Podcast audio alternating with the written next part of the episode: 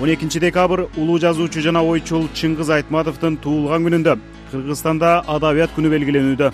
Сиз азаттык радиосунан чыңгыз айтматовдун чыгармачылыгына анын ой пикири чет мамлекеттердеги аброю дүйнөлүк адабияттагы ролуна арналган атайын берүүнү угуп жатасыз. Микрофондо венера сагындык кызы саламатсыздарбы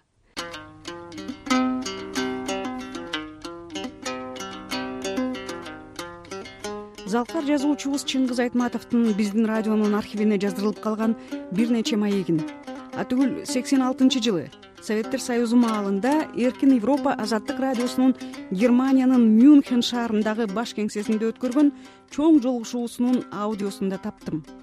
Азырынча отуз бир жыл мурда болгон ал жолугушуунун аудиосунун сапаты ойдогудай эмес экен келечекте азыркы техника өнүккөн заманда аны да угармандарга радиодон сунуш этебиз деген үмүттөмүн.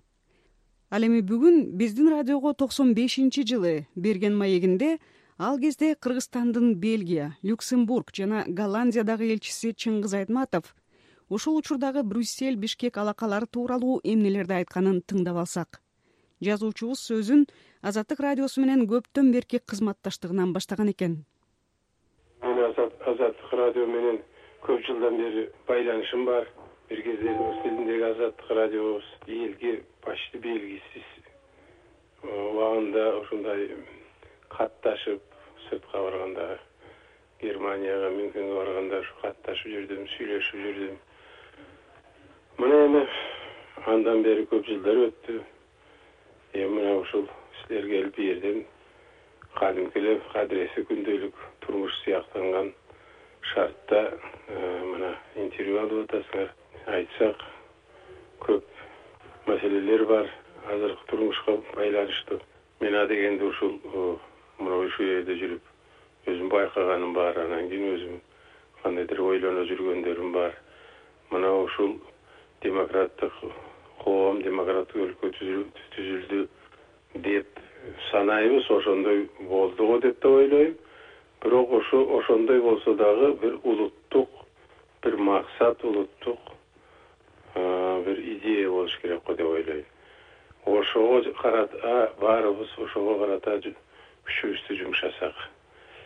Демократиянын өзү да ошого көмөктөш болсо деген тилектемин да мен андыктан ушул мен азыр айта турганым мен ушул азыр брюссельдемин.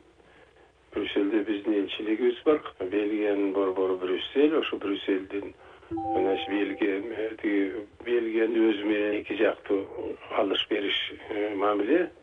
Бирок ошону менен бирге брюссельде натонун э, борбору э, жайгашкан. Мисалы натону ала турган болсок бир кездерде нато дегенде төбө чачыбыз тик туруп ошо бир кандайдыр бир коркунуч бир агрессивдүү күч бизди аңдыган бизди ушул жок кылууга камдалып жүргөндөй ошондой болуп сезгенбиз ошондой болуп да э, турган чыгар. Анткени ага карама каршы берки жакта варшавский пакт деген пайда болду.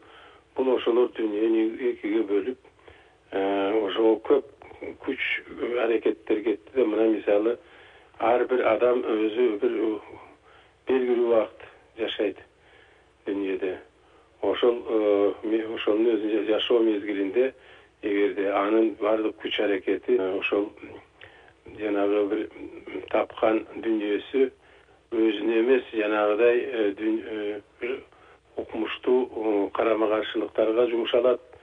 Мисалы ошондо жасалган куралдар каяка кетирерин билбей мына эгерде ошол жанагы перестройканын аркасы менен тиги нато менен варшавский пакт экөө мындай тыйылбадыбы ошону эгерде ойлоп көрсөң албетте ошо бир топ заманабызды бир топ эмгегибизди бир топ дүйнөбүздү алып жуткан ошол учурлар алып жуткан структуралар ошолор экен.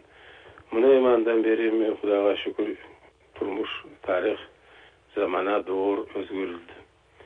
Нато ушул кезде башкача идеологиясында.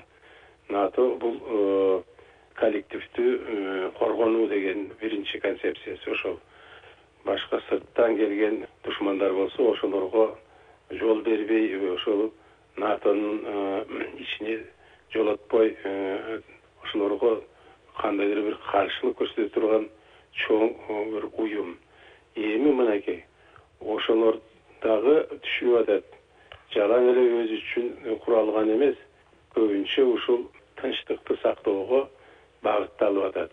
Ошонун аркасында биз дагы кыргызстан дагы эгемендүү өлкөлөр сыяктуу биз дагы ушул нато менен азыр мындай кызматташтык партнердук даражага жетип ушул азыр ошону иштеп атабыз так экинчиси жанагы мен айткан европалык союз.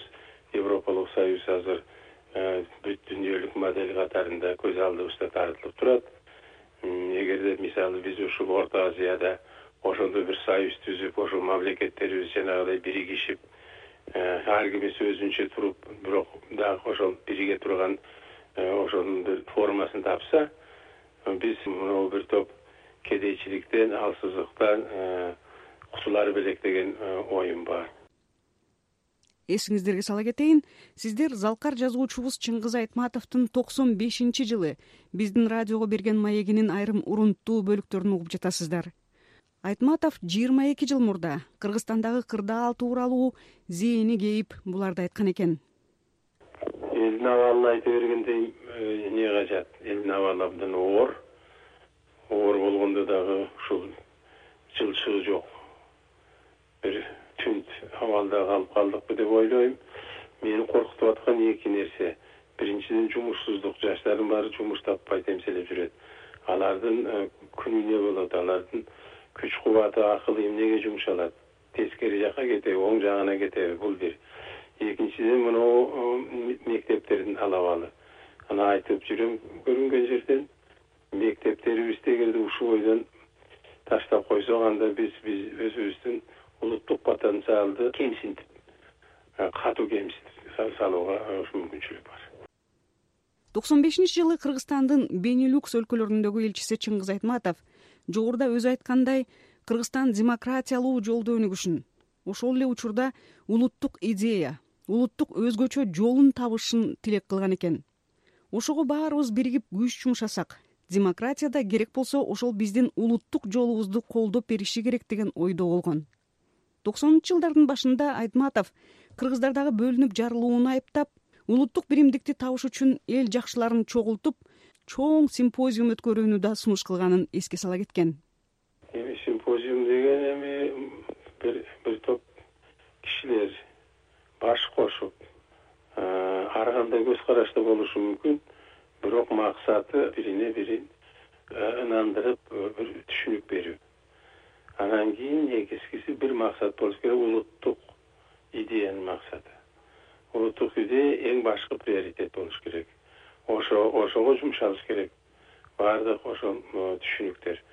А эгерде жанагыдай жер жер жерге бөлүнүп ар ким өзүнүн баягы керт башына гана ошол арналган кызыкчылыгына аракеттенсе анда анда ал абдан эле бузат да коомдун арасын элдин арасын мамлекетти дагы бүлдүрөт ошондуктан ушул кеч боло электе биз башка башка э, э, бир бөлөк турган элдер эмеспиз биз чынында бир мамлекеттин элибиз өкүлүбүз деген ошол түшүнүккө келишибиз керек.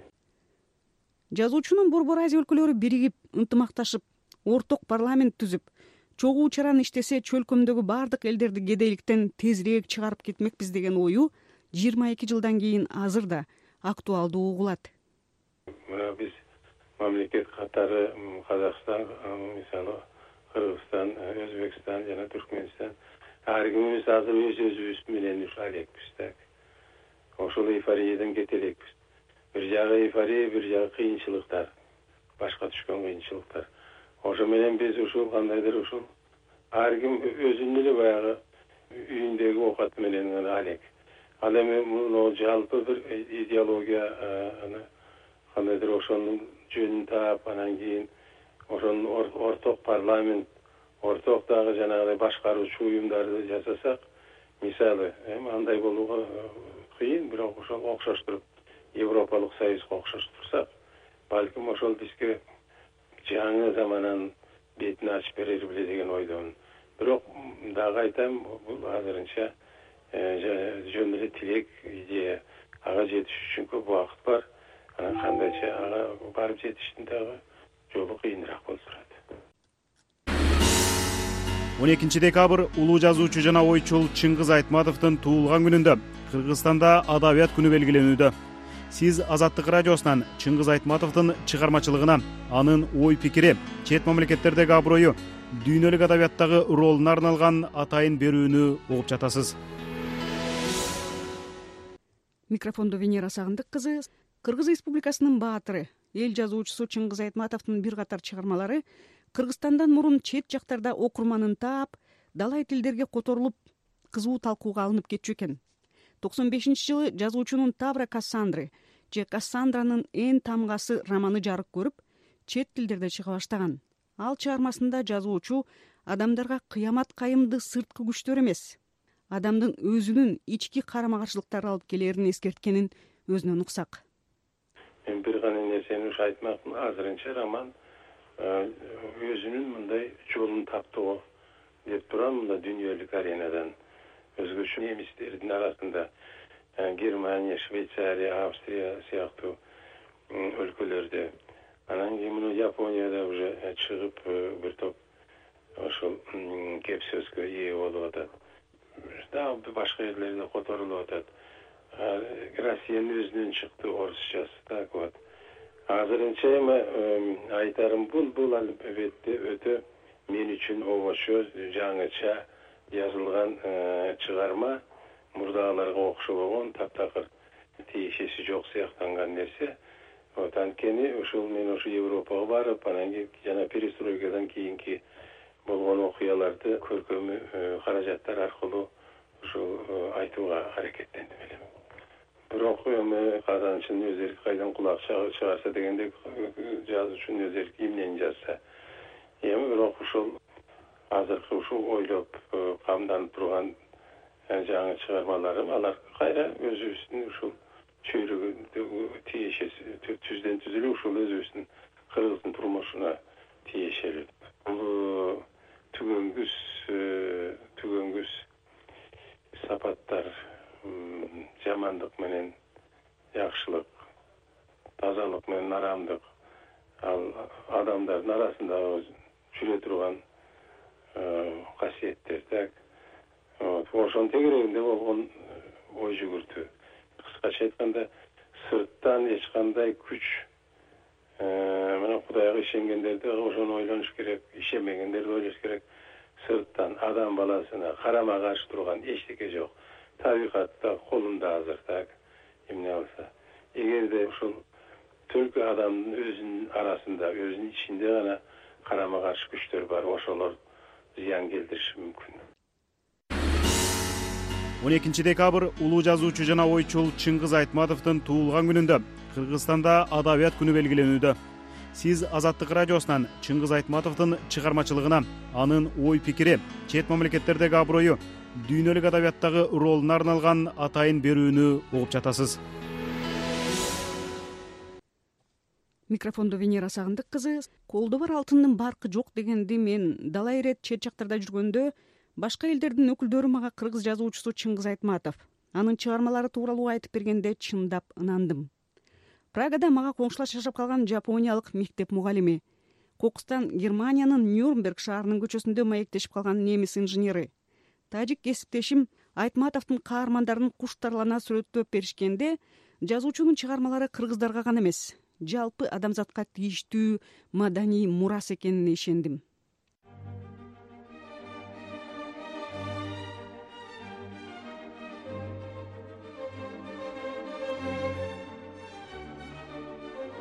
айтматов айрыкча германияны өзүнүн экинчи адабий мекени деп санаган. Себеби бул өлкөдө анын баардык чыгармалары немис тилине которулуп айрымдары окуу программасына да киргизилген экен. Кээ бир адабиятчылар атүгүл чыңгыз айтматовдун кыргыз тилинде чыккан китептерине караганда немис тилинде басылып чыккандары алда канча көп деп да айтып жүрүшөт. Мына ушул китептерди жаштайынан окуп кийин жазуучунун өзү менен таанышып калган немис режиссеру маркус хелчлге сөз берсек аны менен жаңыл жусупжан маектешкен nobody in Europe they don't know why is Kyrgyzstan a country for its own. Европада Кыргызстандын Казакстандан башка мурдагы советтик жумурияттардын айырмасын билишпейт. Бирок Чыңгыз Айтматовдун китебин окуганда ал кайсы өлкөдөн экенин билебиз. Анын китебин окуганда Кыргызстанда жашоо батыштагыдан бөлөк экенине күбө болобуз. Бирок адамдар баардык жерде бирдей. Кыргыздар да биз сыяктуу эле кыйынчылыктарга туш келишет, сүйүшөт, күйүшөт, айрымдарын ишенсе болот. Башкалары калп айтышат, ойношот, күлүшөт, оо дүйнө салышат. Айтор алар да биз сыяктуу эле экенин түшүнөбүз? Маектешибиз чыңгыз айтматовдун жарыяланган акыркы чыгармасы болуп калган тоолор кулаганда деген китебин кайсы бир деңгээлде автобиографиялык чыгарма деп эсептейт? Uh,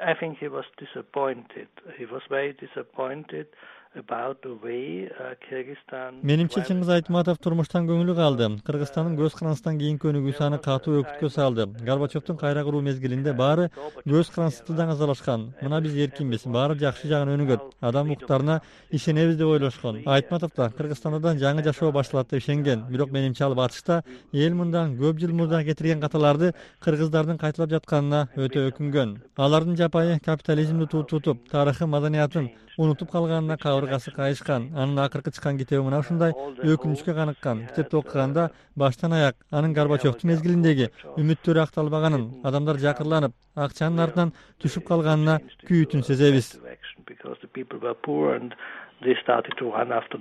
айтматовдун чыгармаларынын көбүн немис тилине фридрих хитце которгон жазуучунун тоолор кулаганда аттуу китебин да хитце которгон экен. Маркус хелчилдин сөзү боюнча котормочу чыгармадагы өкүнүч менен кайгынын тереңдигине өтө таасирленген болушу мүмкүн.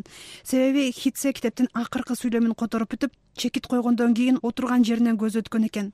Бирок немис режиссеру айтматов алыста жүрүп өз мекениндеги кырдаалга өтө эле терс көз караш менен караган болуш керек деген күмөн оюн да ортого салды so hard you know because under the really it's it's okay uh, you see that the people run after the money but not all the time and not мен өзүм кыргызстанда болгондо баары эле жаман эмес экендигин көрдүм. Туура тоголок тыйындын артынан тоголонгондор бар. Бирок дайыма эле баардык эле кыргыздар ошентип калган жок да бирок реалдуулук деген турмушта жок нерсе. Ал биздин акыл оюбузда гана жашайт. Бул айтматов көргөн чындык болчу. Мен конок катары башканы көрдүм. Балким ал сыртынан туруп турмуштун эң өкүттүү жактарын көбүрөөк көргөн. Кантсе да жашы бир топко келди. Анын үстүнө өкмөттүн ичине ичи чыккан жок. Коррупция жана башка нерселерди көргөндө көңүлү калган болушу керек.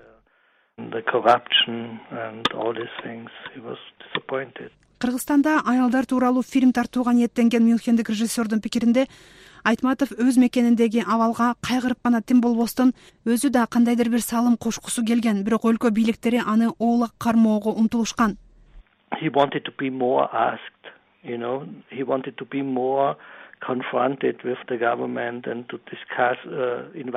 менимче ал менден кеңеш сурашса өкмөт менен ачык айрым сүйлөшсөм талкууларга чакырышса деп ойлогон. Бирок бийликтер анын эл менен жакындашуусун каалаган эмес. Аны алыстагы атактуу аксакал жазуучу катары пайдаланып европага арачы болушу менен чектеп келген. Ошол эле мезгилде айтматов саясатчы эмес жазуучу болчу. Жаштайынан канча саптуу көрдү. Атасы сталиндик репрессияда өлгөн. Бирок ал саясатчы эмес адеп ахлакты ойлогон адам болгон айтматовдун мурдагы чыгармаларынан анын канчалык адеп ахлакты бийик туткандыгын көрө алабыз бул өтө жашырылган бирок сезип турасың анан биз чогуу кыргызстанды кыдырганда ал элин жерин канчалык жакшы билери канчалык сүйөрү көрүнүп турчу мурдагы китептеринен да анын өз элине терең сый урматы сезилчү ошондуктан ал чыгармаларды окуган адам да кыргызстанды сүйүп калчу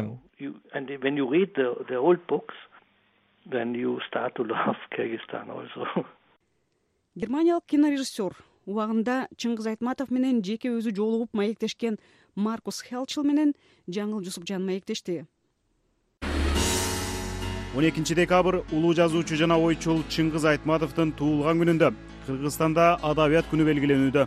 Сиз азаттык радиосунан чыңгыз айтматовдун чыгармачылыгына анын ой пикири чет мамлекеттердеги аброю дүйнөлүк адабияттагы ролуна арналган атайын берүүнү угуп жатасыз залкар жазуучу чыңгыз айтматов токсонунчу эки миң сегизинчи жылдары бенилюкс өлкөлөрүндө элчи болуп жүргөндө брюссельдин четиндеги бланковтордун үйүнө тез тез барып турчу экен. Меймандос эки илимпоз менен элчи жазуучуну адабиятка жана дүйнөлүк маданиятка болгон кызыгуу бириктирген азыр эми токсон жашка карап калган бельгиялык жубайлар менен кабарчыбыз амирбек азам уулу баарлашып келген.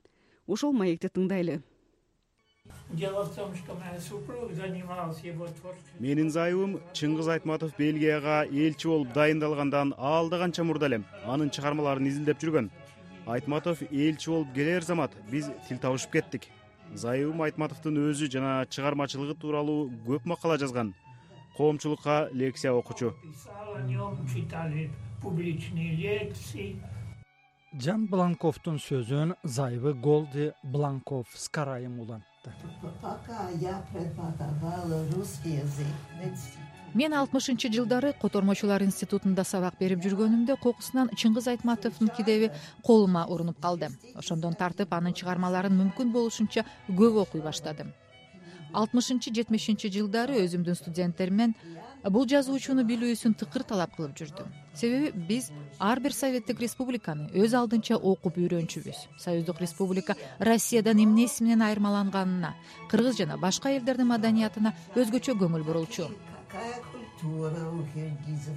Ал кезде сиздер улуттук республикалардын жазуучуларын мисалы мухтар ауезов мустай карим надар думбадзе жана башкалардын чыгармалары менен тааныш болсоңуздар керек деп сурадым түгөйлөрдөн биринчи болуп сөздү жан бланков алды. Самый известный самый популярный. Бирок чыңгыз айтматов батышта баарынан белгилүү жана жападан жалгыз кыргыз жазуучу болчу. Бизди баарынан да чыңгыз айтматовдун таланты философиясы кызыктырды. Его талант но его философия. Китепти жапканыңыздан кийин андагы каармандар жана окуялар тууралуу ал өзү ким? Эмне үчүн мындай болуп калды ал эмнеге мындай кылды деп көпкө ойлонуу керек. Саманчынын жолу повестиндеги толгонайды алалы толгонай карапайым эле аял. Анын өмүрү абдан трагедиялуу. Кан майданда жүргөн күйөөсүнүн жана уулдарынын өлүмү тууралуу кабар укканда өзүн кандай кармаганы укмуш сүрөттөлгөн. А жамилячы жамилянын абалы кыйын күйөөсү бар бирок башка адамды сүйөт. Мен да учурдан пайдаланып голду айымга чыңгыз айтматовчасынан алтын ай деп кайрылдым. Сиз айтматовдун аял каармандарын толгонайды жамиляны сейдени атап кетпедиңизби? Башка окурмандар үчүн да ушул каармандар кызыктуу деп ойлойсузбу? Деп сурадым профессор голди бланков скардан. Это трудно сказать потому что это чыңгыз айтматовду окуу жеңил эмес. Себеби ал адамдарды ойлонууга мажбурлайт адамдар болсо ойлонгонду каалашпайт. А жазуучу аларды ойлонууга аргасыз кылат. Он заставляет людей думать. Укмуштуу жубайлар кылым каартар бир күн романында манкуртчулуктун маңызы укмуштуудай ачып берилгенин чыңгыз айтматовдун каармандары жалпы адамзаттык персонаждар экенин баса айтышты. Мен обол чыңгыз айтматовдун чыгармаларында этнографиянын элементтери жокко эсе жазуучунун көңүл чордоонунда дайыма адамдын ич дүйнөсүнүн абалы жүрүм туруму психологиясы турат. Каармандарды бир улутка байлап коюу мүмкүн эмес деген оюмду айтсам сөз учугун жан бланков улантты. Одно не исключает другого. Все великие писатели бири экинчисин жокко чыгарбайт. Баардык улуу жазуучулар улуттук жана универсалдуу болушкан. Улуу француз адабияты жөнүндө ойлонолучу француздарда улуу жазуучулар көп алар аябай эле француз аябай эле улуттук жана аябай эле универсалдуу. Буга типтүү мисал виктор гюго. Ал абдан француз абдан улуттук жана абдан эле универсалдуу. Очень французский но и универсальный. Менин оюмча жыйырманчы кылымда жашаган жазуучуларды он тогузунчу кылымда же андан илгери өткөн калемгерлер менен салыштырып болбойт. Дегени менен сиздер айтматовдун масштабы боюнча кайсы жазуучулар менен салыштырат элеңиздер карл чапек мы очень карел чапек менен анын чыгармалары юмор жана философияга шыкалган. Андан көп нерсени үйрөнүү мүмкүн. Много нам много научил а айтматов э, очень чыңгыз айтматов башкаларга такыр окшобогон жазуучу. Аны англис француз немис жана башка элдердин улуу жазуучулары менен салыштырып болбойт ырас алар бири биринен аябай эле айырмаланып турушат. Бирок аларды бириктирген нерселер бар экенин тана албайбыз. Но что то общего есть.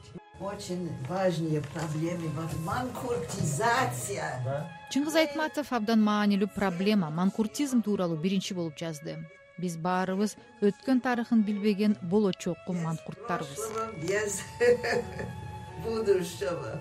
Маңкурт чыңгыз айтматов да өзгөчө кейипкер маңкурт казактар менен кыргыздардын легендасы. Адамдардын өз маданияты жөнүндө унутуп калганы батыш адабиятында бөлөкчө тарзде жазылган эле. Бизди окумуштууларды маданият адамдарын интеллектуалдарды бул маселе баарынан көп тынчсыздандырат. Кечиресиз тарыхчы катары айтсам маңкуртчулук жалпы борбор азия үчүн эмес кыргыздар үчүн эмес. Биз батыштыктар үчүн да жыйырма биринчи кылымдагы эң чоң аламат жаш муун өз маданияты жөнүндө дээрлик эч нерсе билишпейт. Бул бельгияда ор коюп эле көрүнүп турат. Мунун өзү таң калыштуу анткени маңкурттар менен эмнени кааласа ошону жасаса болот. Я преподавал два месяца. Мен чүй университетинде эки ай түрдүү предметтерден анын ичинде культурологиядан дарс окудум. Менин биринчи лекциямда отуз студент болду. Алардын көбү кыргыздар эле. Экинчи лекцияга жыйырма студент үчүнчү лекцияга он гана студент келди мен ректорго кайрылып студенттер кайда кеткенин сурадым. Ал студенттерин чакырып эмнеге белгилүү окумуштуунун культурология боюнча лекцияларына барбайсыңар деп сураса биз болочок менеджерлербиз. Бизге культурологиянын кереги жок деп жооп бериптир алар. Мен оорудум да кулап кала жаздадым. Кудай урбадыбы? Мына маңкуртчулук мына көкмээлик вот маңкурт и полный идиотизм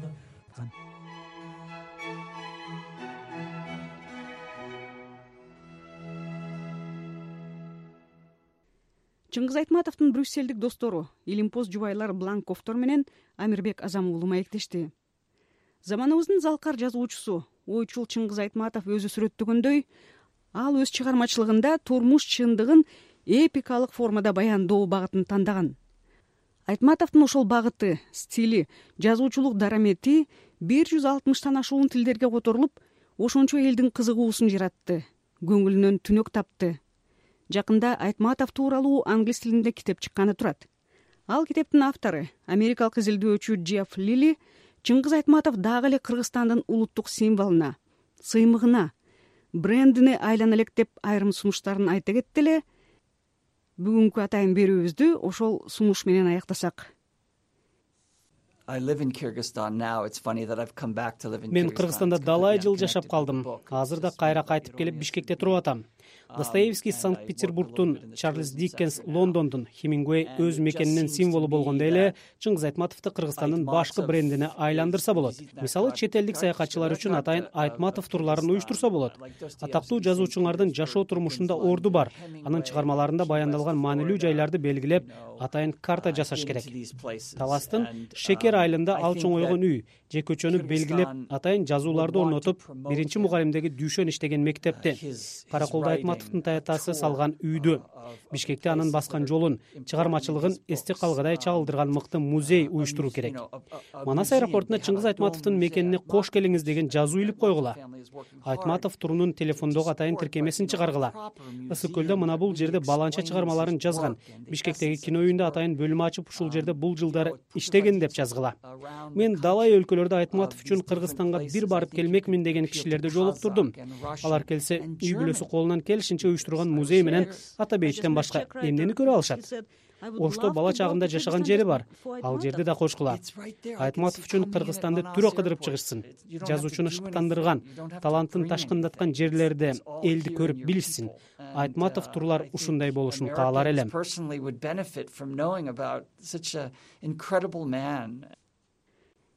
берүүбүздүн соңунда раматылык жазуучу казат акматовдун бир жыйында айтканы эсиме түштү. Айтматовдун сымын шаарга көчөлөргө окуу жайларына бергенден майнап чыкпайт. Анын китептерин басып чыгарып балдарга жаштарга окутушубуз керек. Алп жазуучу элдин эсинде чыгармалары аркылуу гана сакталып калат деген эле. Кыргыз элин турмушун мүнөзүн жашоо философиясын дүйнөгө тааныткан жазуучубуздун чыгармалары кыргыз коомчулугу тарабынан кеңири окулуп талкууланып турушун тилек кылабыз. Биз раматылык жазуучу казат акматовдун демилгесин колдоо максатында биз жыл бою азаттык радиосунан улуу жазуучубуз чыңгыз айтматовдун чыгармачылыгына өмүр баянына каармандарына арналган атайын берүүлөрдү макалаларды чыгарып турууну максат кылып турабыз. Бул атайын жарым сааттык берүүнү мен венера сагындык кызы алып бардым. Саламатта болуңуздар